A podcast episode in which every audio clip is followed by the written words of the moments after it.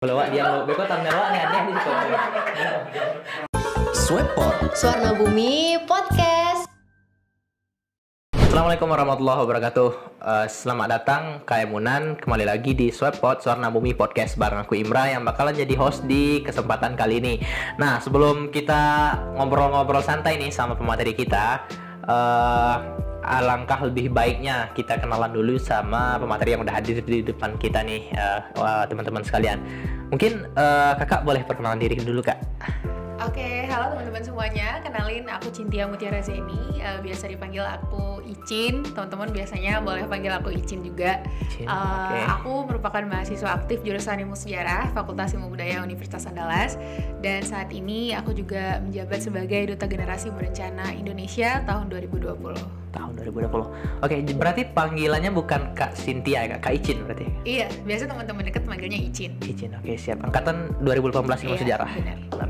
Nah, teman-teman, kita bakalan ngobrol-ngobrol santai nih sama Kak Icin perihal self confidence ya, Kak. Nah, self confidence. Mungkin sebelum kita jauh ngulik perihal topik yang mau kita bicarain sama Kak Icin, eh, barangkali kita samain persepsi dulu kali ya. Perihal self confidence ini. Eh, kira-kira Kak Icin memaknai atau mendefinisikan self confidence ini seperti apa, Kak? Oke, kalau misalnya kita ngebahas soal self confidence itu cakupannya luas banget ya Imra karena Hmm. eh, kalau dari perspektif dan berbagai artikel yang pernah aku baca self confidence itu nggak jauh-jauh dari eh, penilaian kita yang sifatnya relatif terhadap diri kita sendiri gitu. Oke. Jadi kita yakin akan kemampuan yang kita punya, kita yakin akan potensi yang kita punya. Benar. Karena setiap manusia itu pasti punya potensi yang beda-beda dan kita nggak bisa banding-bandingin itu. Nah, jadi Ya. Poinnya adalah orang yang percaya diri itu mereka yakin bahwa mereka sebagai manusia punya kelebihan, Oke. punya potensi yang ada di dalam diri mereka yang nggak bisa disamain sama manusia-manusia lainnya gitu. Oke. Jadi itu sih pengertian self confidence yang aku rangkum dari berbagai uh, artikel juga yang aku baca gitu. Oke, berarti kalau dari definisi tadi itu kita nggak bisa membanding-bandingin uh, kita sama orang lain gitu kan? Iya, Karena benar. setiap kita tuh punya lahannya masing-masing gitu lah. Benar. Bener banget ya kak. Nah terus ini kan erat juga kaitannya sebagai apa ya? Kak, Icin tadi sebagai duta genre ya kak, duta genre. Mungkin kita bakal ngobrol-ngobrol perihal pergenrean. Nah uh, sebelumnya boleh diceritain nggak kak uh, background kakak sebelum terjun ke dunia perdutaan ini kak? Oke, uh, kalau misalnya diceritain backgroundnya dan apa latar belakangnya kenapa Ah. bisa, ini kayaknya nggak cukup deh satu skripsi. Oh, Agak bercanda.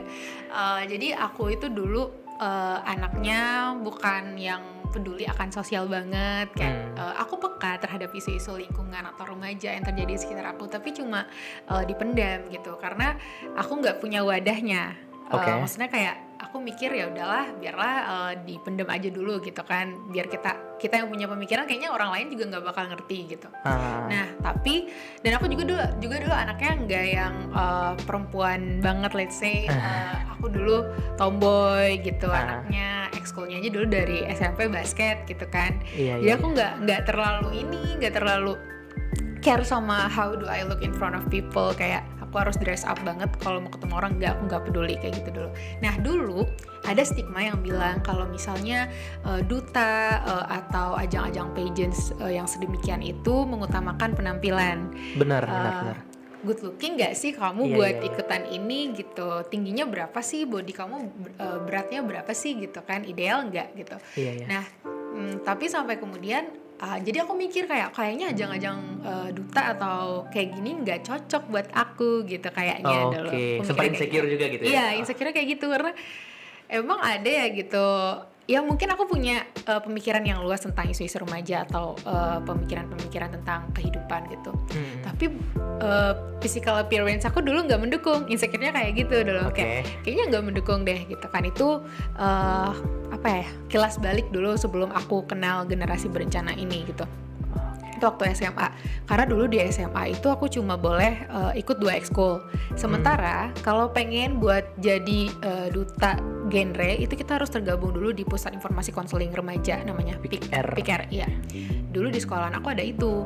Hmm. Em, kalau mungkin secara general aku tahu genre itu apa, geraknya di mana. Tapi aku nggak, ya itu tadi karena udah fokus di basket sama English club dulu ekskul aku, jadi aku nggak bisa gabung di ekskul lain lagi kan. Iya kayak benar-benar. udah itu aja gitu kan. Itulah yang kemudian kayak aku mikir genre ya cuma untuk sekedar diketahui dulu sekedar diketahui iya diketahui gitu kan ada dia eksis dan dia punya duta gitu nggak kepikiran nih untuk join sama sekali nah sama sekali? ya. Oke. Eh, itu berganti berubah ketika aku masuk ke semester 3 apa 4 kuliah tahun 2019 ada salah satu temen yang selalu eh, motivasi kayak kamu kayaknya cocok deh buat ikutan ini. Terus aku bilang ya aku bilang dong aku nggak cocok karena ya Aku itu tadi ya kamu bisa lihat eh, saya bagaimana sehari-hari gitu kan. Tapi dia bilang bukan bukan penampilan kamu yang saya bilang cocok gitu loh. Tapi pikiran sama eh, gagasan kamu yang saya bilang cocok untuk di sini gitu. Coba deh ikutan. Akhirnya iseng nih eh, atas landasan kayak ya udah aku coba gabung di PIK eh, PIKMAK dulu di Universitas Universitas Ya, Andalas seiringan dengan ikutan duta genre Universitas Andalas duta mahasiswa genre tahun 2019 2019 singkat cerita itulah kali pertama aku menjadi eh, apa ya dibilang jadi orang lain enggak cuma mungkin jadi pribadi yang lebih baik kayak jadi le- jadi lebih sadar kalau misalnya kita emang harus rawat diri gitu paham gak sih kayak perempuan emang harus eh, care sama tubuh mereka Iya, benar, gitu benar, benar. Nah, akhirnya di sana deh aku mulai eh, belajar bahwa menjadi orang lain bukan berarti kamu berubah eh, menjadi orang lain pengen gitu tapi kamu berubah menjadi satu langkah lebih maju dibanding diri kamu yang sebelumnya. Kayak aku dari awalnya nggak peduli sama lingkungan atau nggak bisa berani speak up di Nah. genre aku berani speak up. Di genre aku belajar untuk uh, speak di depan orang banyak dan didengarkan. Benar, di genre aku belajar gimana sih caranya biar bisa menghargai orang lain dan orang lain bisa ngehargain kita juga gitu. Itu tahun 2019 19 akhirnya aku dapat kategori waktu itu best talent. Aku nggak dapat juara satu aku dapat kategori best talent Oke, sampai best talent Iya. waktu itu. Nah, ah, coba kita stop dulu. Jadi eh, dari yang kakak ceritain tadi itu kan lumayan menarik sih dari mulai perjalanannya yang nggak nggak sama sekali kepikiran buat sampai ke titik eh, yang tadi itu sampai best talent di kampus di tingkat univ. Ah, namun pernah kepikiran nggak nggak kak sebelum itu kan daftar nih daftar di pik dulu pik tingkat univ terus mau daftar jadi duta itu kan Nah, eh, itu kan seenggaknya ya, seenggaknya persiapan buat itu tuh harus banyak dong. Sedangkan kakak sebelumnya nggak ada eh, nggak ada bekal, nggak ada background eh, pergenrean ya maksudnya kan.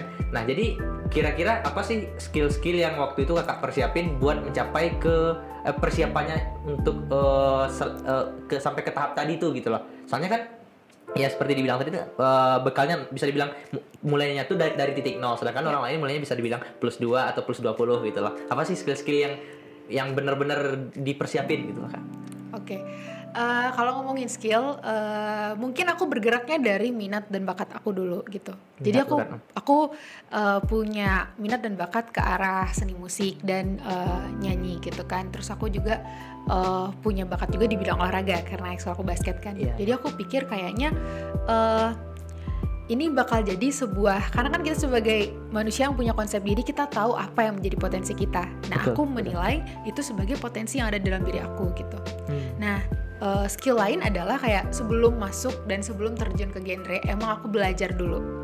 Aku belajar tentang genre itu apa, kayak gimana, dan mereka bergeraknya dalam ruang lingkup apa gitu. Terus kalau misalnya kita jadi duta, Ah, peran kita itu seperti apa gitu. Aku cari-cari, aku searching di mana pun yang bisa aku eh, cari ilmunya gitu. Akhirnya aku dapat bahwa oh generasi berencana kepanjangannya hmm. geraknya di gimana caranya biar kita bisa merencanakan masa depan anak-anak remaja.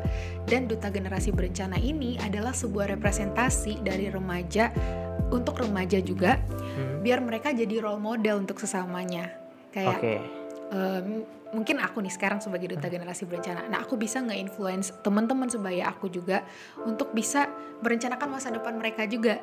Biar lebih baik ya. Iya, contoh spesifiknya kayak banyak nih kita sekarang yang kayak lelucon-lelucon lelucon-lelucon yang hadir kayak gue capek kuliah gue pengen nikah aja kayak gitu Hmm, kan. iya iya iya Nah, iya. di genre itu kita punya yang namanya semangat 21-25 keren. Jadi, usia ideal menikah adalah 21 untuk perempuan dan 25 untuk laki-laki.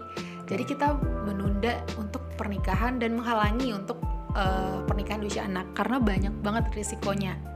Nah, itu yang aku pelajarin semuanya tentang tiga resiko kesehatan reproduksi remaja. Kayak kita kan sering banget nganggap bahas-bahas cash pro atau seks itu tabu, ya. Tabu di lingkungan kita. Iya, ya, Iya. kayak malahan itu dijadikan sebagai bercandaan yang seksis kayak eh, bilang-bilang ini terus kita ketawa gitu. Padahal sebenarnya itu pelajaran. Nah, itu yang di aku pelajarin di genre itu beberapa skills kayak juga public speaking karena kan dulu aku nggak biasa nih ngomong depan Iya, umum benar-benar. gitu kan nggak biasa juga untuk megang mic apalagi terus raise hand terus kamu ngomong nggak nggak biasa banget dulu akhirnya aku belajar untuk oh kalau misalnya kita mau ngomong atau mengajukan pertanyaan ternyata ada struktur-strukturnya juga kayak kita Oh, harus oke. pembukaan dulu harus eh, masuk ke inti terus kita closing harus ada base-nya dulu kalau kita mau bertanya jangan eh, aku belajar nih langsung kalau to the point pertanyaannya Iya, langsung maksudnya gitu. kayak lah kamu berangkat dari mana bisa mempertanyakan hal tersebut gitu. Nah itu yang aku pelajarin di sini skill-skill kayak gitu sih I mungkin. see, I see.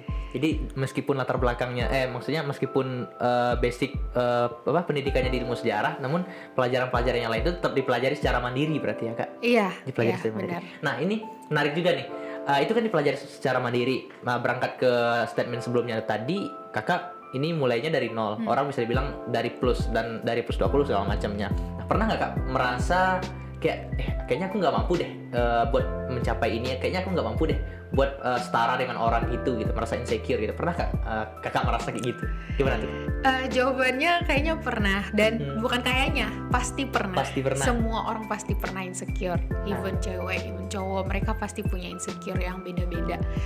Mungkin dalam bidang kehidupan, mungkin dalam bidang kayak eh, fisik. Kalau yang perempuan, kalau yang sekarang realitasnya adalah lebih cenderung insecure-nya dalam eh, segi fisik. Kalau menurut aku kayak eh, ada beauty standar gitu di kehidupan sekarang. apalagi gitu media kan. yang Iya membesar-besarkan sekarang dan juga uh, insecure aku lagi adalah waktu itu kayak ya dengan tabiat yang aku punya bukan tabiat uh, kebiasaan yang aku Kebiasaan. punya gitu kan Uh, apakah mungkin untuk melangkah menjadi seseorang yang kalau duta pasti mereka di spotlight kan di Iya mana-mana dong, kayak benar. oh iya dia representasi dari remaja dan mau nggak mau aku ketemu orang banyak gitu kan Iya. bakalan berhadapan dengan orang-orang yang notabene jauh lebih tinggi jabatannya dari aku gitu kan gimana ya caranya biar biar mereka mendengarkan aspirasi kita gitu kan kayak ngomong kayak bayangin kita sosialisasi terus masanya banyak Iya, dan banyak. itu punya isi kepala yang beda-beda gitu kan gimana ya caranya itu titik insecure aku dulu gitu ditambah lagi aku juga insecure dari pis- penampilan aku dari fisik gitu kan. Sama sekali nggak mendukung untuk menjadi sosok yang bakalan disorot sama orang banyak gitu. Nah itu yang bikin aku insecure. Tapi lagi-lagi ya itu tadi. Pada kalau kenyataannya emang bukan hanya sekedar penampilan aja iya ya kan? iya. Aku aku belajar banget dari proses kehidupan dan yang udah ngebawa aku ke titik ini eh, di luar generasi berencana ataupun di dalamnya aku belajar banget kalau misalnya eh untuk menjadi diri sendiri dan buat bisa bikin orang yakin ke diri kita kita dulu harus self love dulu. Harus punya konsep percaya diri percaya diri tadi dulu. I see, I see. habis itu kita bas- bakal bisa narik perhatian orang bukan kayak oh, bukan terkesan caper ya tapi orang bisa ngelirik kita karena eh let's say gagasan dan juga hati yang kita punya gitu. Jadi ini tentang pikiran tentang hati kita gitu. Percuma kita punya eh ya mungkin kita bilang ada kategori good looking untuk sebagian eh, Pasti, itu ya pasti. yang masih eh, apa ya masih berkembang di pikiran-pikiran kita saat ini tapi kekuatan itu terletak ketika kita bisa ngerubah pikiran orang atau bisa nge-influence orang cuma dengan cara kita berbicara gitu kayak eh, kekuatan dari kata-kata kayak Oke. kemampuan kita nge-influence orang itu positif kan gitu iya benar benar benar. Nah, itu yang aku pelajarin. Jadi bukan tentang gimana caranya kamu terlihat cantik untuk di depan orang banyak, gimana caranya kamu terlihat tampan di depan orang banyak, tapi gimana caranya kamu bisa bermanfaat bagi orang lain dari gagasan yang kamu punya dan dari hati yang kamu punya. asik pada intinya bagaimana kita berimpact pada orang lain Iya, benar. Nah, tadi masih kita lanjutin perihal uh, jenjang karirnya di genre tadi kak. Tadi kan kita stop di kakak sampai Mahasiswa. talent uh, di tingkat univ. Nah, terus perjalanannya selanjutnya sampai ke titik yang sekarang yang belum kita sebutin itu ha. gimana tuh? Abis dari duta generasi berencana tingkat mahasiswa UNAN 2019 aku lanjut ke tingkat kota. Awalnya nggak mau nih Im- Imra aku buat Hmm. lanjut karena ya itu tadi balik lagi perasaan insecure-nya gitu kan. Eh, aku ngerasa nggak deh kayaknya orang iya. orang di ma- da- tingkat UNAN aja cuma dapat best talent gitu Ah. kan. Gimana caranya di kota mau dapat lagi? Iya. Ditambah kalau misalnya udah cakupannya kota itu masanya atau peserta yang ikutan bakalan banyak latar lebih belakangnya ya, iya Kak? latar belakang gitu sementara aku cuma punya modal sebagai duta generasi berencana mahasiswa tahun di tahun yang sama bahkan ada orang yang udah tiga kali empat kali ikutan di Ah. tahun itu tahun Di tahun 2000 itu juga? iya di tahun 2020 akhirnya aku mutusin ya udahlah aku menanamkan di diri aku bahwa yang kamu cari bukan prestasi awalnya Awalnya. yang aku cari adalah teman sama pengalaman dan relasi. iya karena eh, pengalaman menurut aku nggak bisa dibeli sama uang Setuju banget. kita bisa banyak banget belajar dari kehidupan dan bisa didewasakan dari itu gitu. Jadi dengan ketemu kayak aku sama kamu sekarang ini aku juga lagi belajar, wah ternyata dia kayak gini ya, ternyata dia punya pemikiran yang beda-beda ya kayak gitu. Bisa lebih bikin kita untuk open minded lagi gitu. Akhirnya aku ikut dengan dengan gaga apa ya dengan prinsip kayak gitu. Itu yang aku jalanin sampai karantina karantina dan alhamdulillah eh, dikasih kepercayaan untuk jadi juara satu waktu itu. Di Sama sekali di tingkat kota. tingkat kota. Duta Oke. Genre Kota Padang tahun 2020 sama sekali nggak nggak Ya, expect ya. iya nggak nyangka karena aku nggak menaruh ekspektasi yang tinggi kan untuk bahkan untuk kebayang untuk sampai di 25 besar yang akan dikarantinakan karena kan seleksinya banyak nih benar. akademik eh, ada seleksi tertulis seleksi eh, wawancara interview seleksi dengan bahasa Inggris juga tapi waktu itu aku ya udah dengan prinsip tadi gitu kan. Jadi aku nothing tulus aja kalau misalnya kamu masuk 25 besar Ya, berarti kamu di karantina dijalanin. Tapi kalaupun enggak yang penting kamu udah kenal sama mungkin 10 15 orang yang dari latar belakang remaja yang beda-beda Ah. gitu. Dan kamu bisa belajar dari sana. Akhirnya aku lanjut dan dapat juara satu akhirnya otomatis dengan aku juara satu aku harus ngewakilin Padang ke tingkat Sumatera Barat Oh, dan iya, itu iya. dipertemukan sama winner-winner atau juara satunya duta-duta di tingkat 19 kabupaten kota Kabupaten yang ada di Sumatera Barat. Barat ya Oh, oke. akhirnya dikarantinain di eh, waktu itu di hotel Turuntum sekarang di Grand Ina karantina di sana tahun 2020 seleksinya sama. Wawancara juga wawancara tentang program kita apa apa yang bakal kita suguhkan ke remaja-remaja. Oh, Eh, oke. karena kan itu pasangan nih. Akhirnya ya udah singkat cerita eh, dijalanin prosesnya dapat lagi di tingkat provinsi.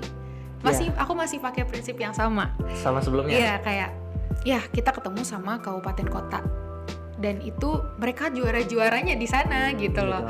Lah sama sama aku gitu kan. Jadi kayak tapi ada pengalaman yang menarik sih Nah, waktu apa tuh kak? waktu di awal hari pertama karantina di tingkat uh, Sumatera Barat itu kan kita ketemu nih sama winner-winner kayak dari pesisir Dari berbagai daerah iya, gitu ya. gitu. Nah mereka tuh pada liatin sini semua ke aku. Karena? jujur gak tahu aku nggak tahu kenapa kayak kenapa ya gitu kan? Ah, akhirnya aku bilang ke diri aku nggak apa-apa gitu. Aku padahal udah berusaha banget nih buat uh, senyum buat se- se- ya nyari teman lah gitu kan. Tapi Iya. ternyata kayak kenapa ya? Kayak gitu kan. Akhirnya aku yang jemput bola aku berusaha untuk ya temen sama semuanya kayak gitu. Akhirnya itu yang ngebawa aku ke tingkat provinsi dan menjadi juara satu juga di Sumatera Barat dan otomatis mewakili Sumatera Barat ke tingkat Indonesia. Gitu. Oke. Nah, ini kan udah sampai titik eh, bisa dibilang titik tertingginya tingkat Hmm. nasional. Nah, di di tingkat nasional ini pencapaiannya sampai apa kak? Kalau boleh dikasih tahu sama teman-teman penonton nih. Oke, kalau misalnya uh, pencapaian aku di tingkat nasional itu alhamdulillah uh, dikasih kepercayaan untuk menjadi juara satu atau terbaik satu putri Putri. uh, dan juga menjadi sosial media inspirator putri. Oke. Kalau pasangan aku itu juara satunya dari Jawa Barat.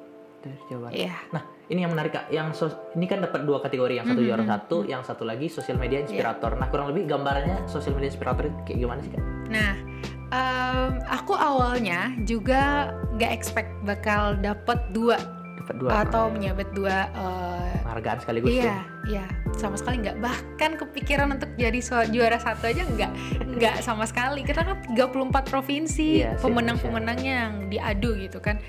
Jadi eh, sosial media inspirator kalau ngomongin itu mungkin aspek penilaiannya itu terlihat dari sosial media kita. Kayak gimana caranya kamu nge- membangun personal branding yang baik Di- dan berhasil nge-influence orang dari sosial media Ah, I see, I mungkin see, I see. jadi konten dari video-video inspiratif kayak gitu karena kan kalau duta genre itu tagline-nya satu tahun menjabat seumur hidup menginspirasi Asik. Jadi- Iya, iya. walaupun kalau sekarang nih jabatan aku sebagai duta kan duta kota duta genre kota Padang udah selesai Sumatera Barat juga udah selesai sekarang aku tinggal di Indonesia jabatannya jadi kalaupun nanti sudah berakhir masa jabatan ini aku masih bisa menginspirasi orang banyak gitu Oh, jadi oke. penilaiannya dari sosial media kita Oh, Oke, siap-siap. Berarti teman-teman boleh nih nanti diintip-intip sosial medianya kakak ya kak? boleh Oke. banget Mungkin ini eh, terakhir nih kak, terakhir Eh, perihal karya tadi, perihal karya kurang lebih kan kakak bila, sempat bilang juga tadi ada program yang kita ajuin ketika seleksi, terus Iya. setahun menjabat, Menjabat terus menginspirasi seumur hidupnya kayak gitu.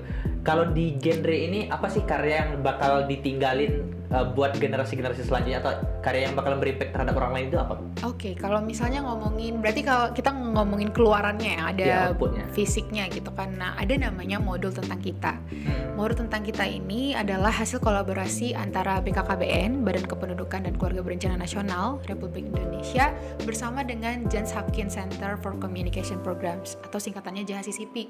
Jadi kan kita genre ini bergerak di bawah naungan BKKBN. KBN, ya. Jadi uh, modul ini adalah hasil kolaborasi dari kedua pihak tersebut yang berisi tentang perencanaan masa depan, terus kesehatan reproduksi remaja yang diperuntukkan untuk pendidik sebaya di seluruh Indonesia.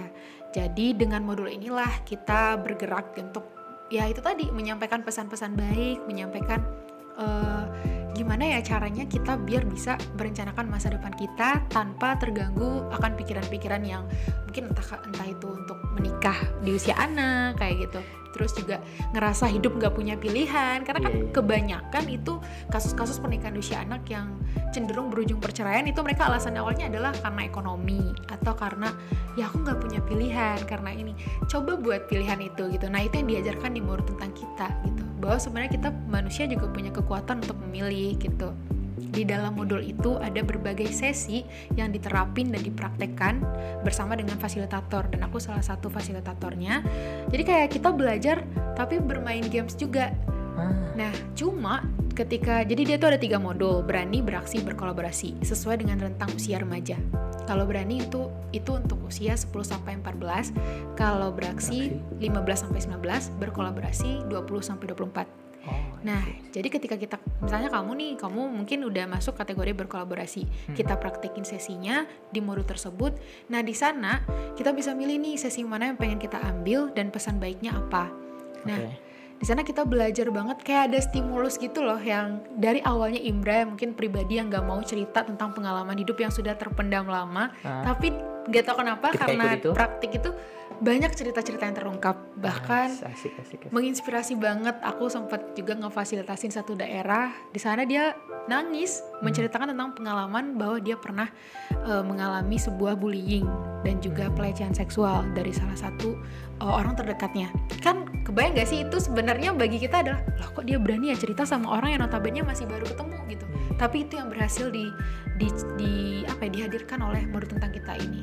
Wah, menarik, menarik, menarik. Iya. Menarik nih teman-teman. Cuman uh, sebenarnya masih banyak sih yang mau diulik sama Kak Icin ya kak. Karena keterbatasan waktu, mungkin ini aja sih. Uh, kalau dari aku, dari banyak pembicaraan tadi sama Kak Icin, satu hal yang perlu kita perhatiin itu kita berimpact terhadap orang itu nggak melulu soal gimana personal appearance kita terhadap orang lain ya kak, nggak soal penampilan mulu, tapi gimana cara pikir kita, gimana cara kita jadi mata air buat orang di sekeliling kita. Nah, mungkin kalau dari aku itu sih, mungkin dari Kak Icin ada closing statement gitu kak buat teman-teman penonton sebelum ini ditutup kak. Oke, kalau misalnya closing statement dari aku, aku biasanya selalu pakai quotes. Eh, mungkin aku bisa eh, nanti aku bakalan sebutin dengan bahasa Inggris, nan- nanti aku juga bakal ngertiin juga dalam bahasa Indonesia. Kalau menurut aku, eh, being the perfect one in this life is really impossible, but being the best version of ourselves is irreplaceable. Jadi jadi pribadi yang paling sempurna di dunia, di dunia ini nggak akan mungkin, nggak akan ada kata sempurna. Tapi jadilah versi terbaik dari diri kamu sendiri. Itu nggak akan pernah tergantikan. Gitu. Oke, thank you, thank you luar biasa ya kak. Oke teman-teman, mungkin itu saja pembicaraan kita sama Kak Icin kali ini. Terima kasih udah menyaksikan Swapbot Suara Bumi Podcast dari awal sampai akhir. Sampai ketemu lagi di Swapbot selanjutnya. Assalamualaikum warahmatullahi wabarakatuh. Dadah.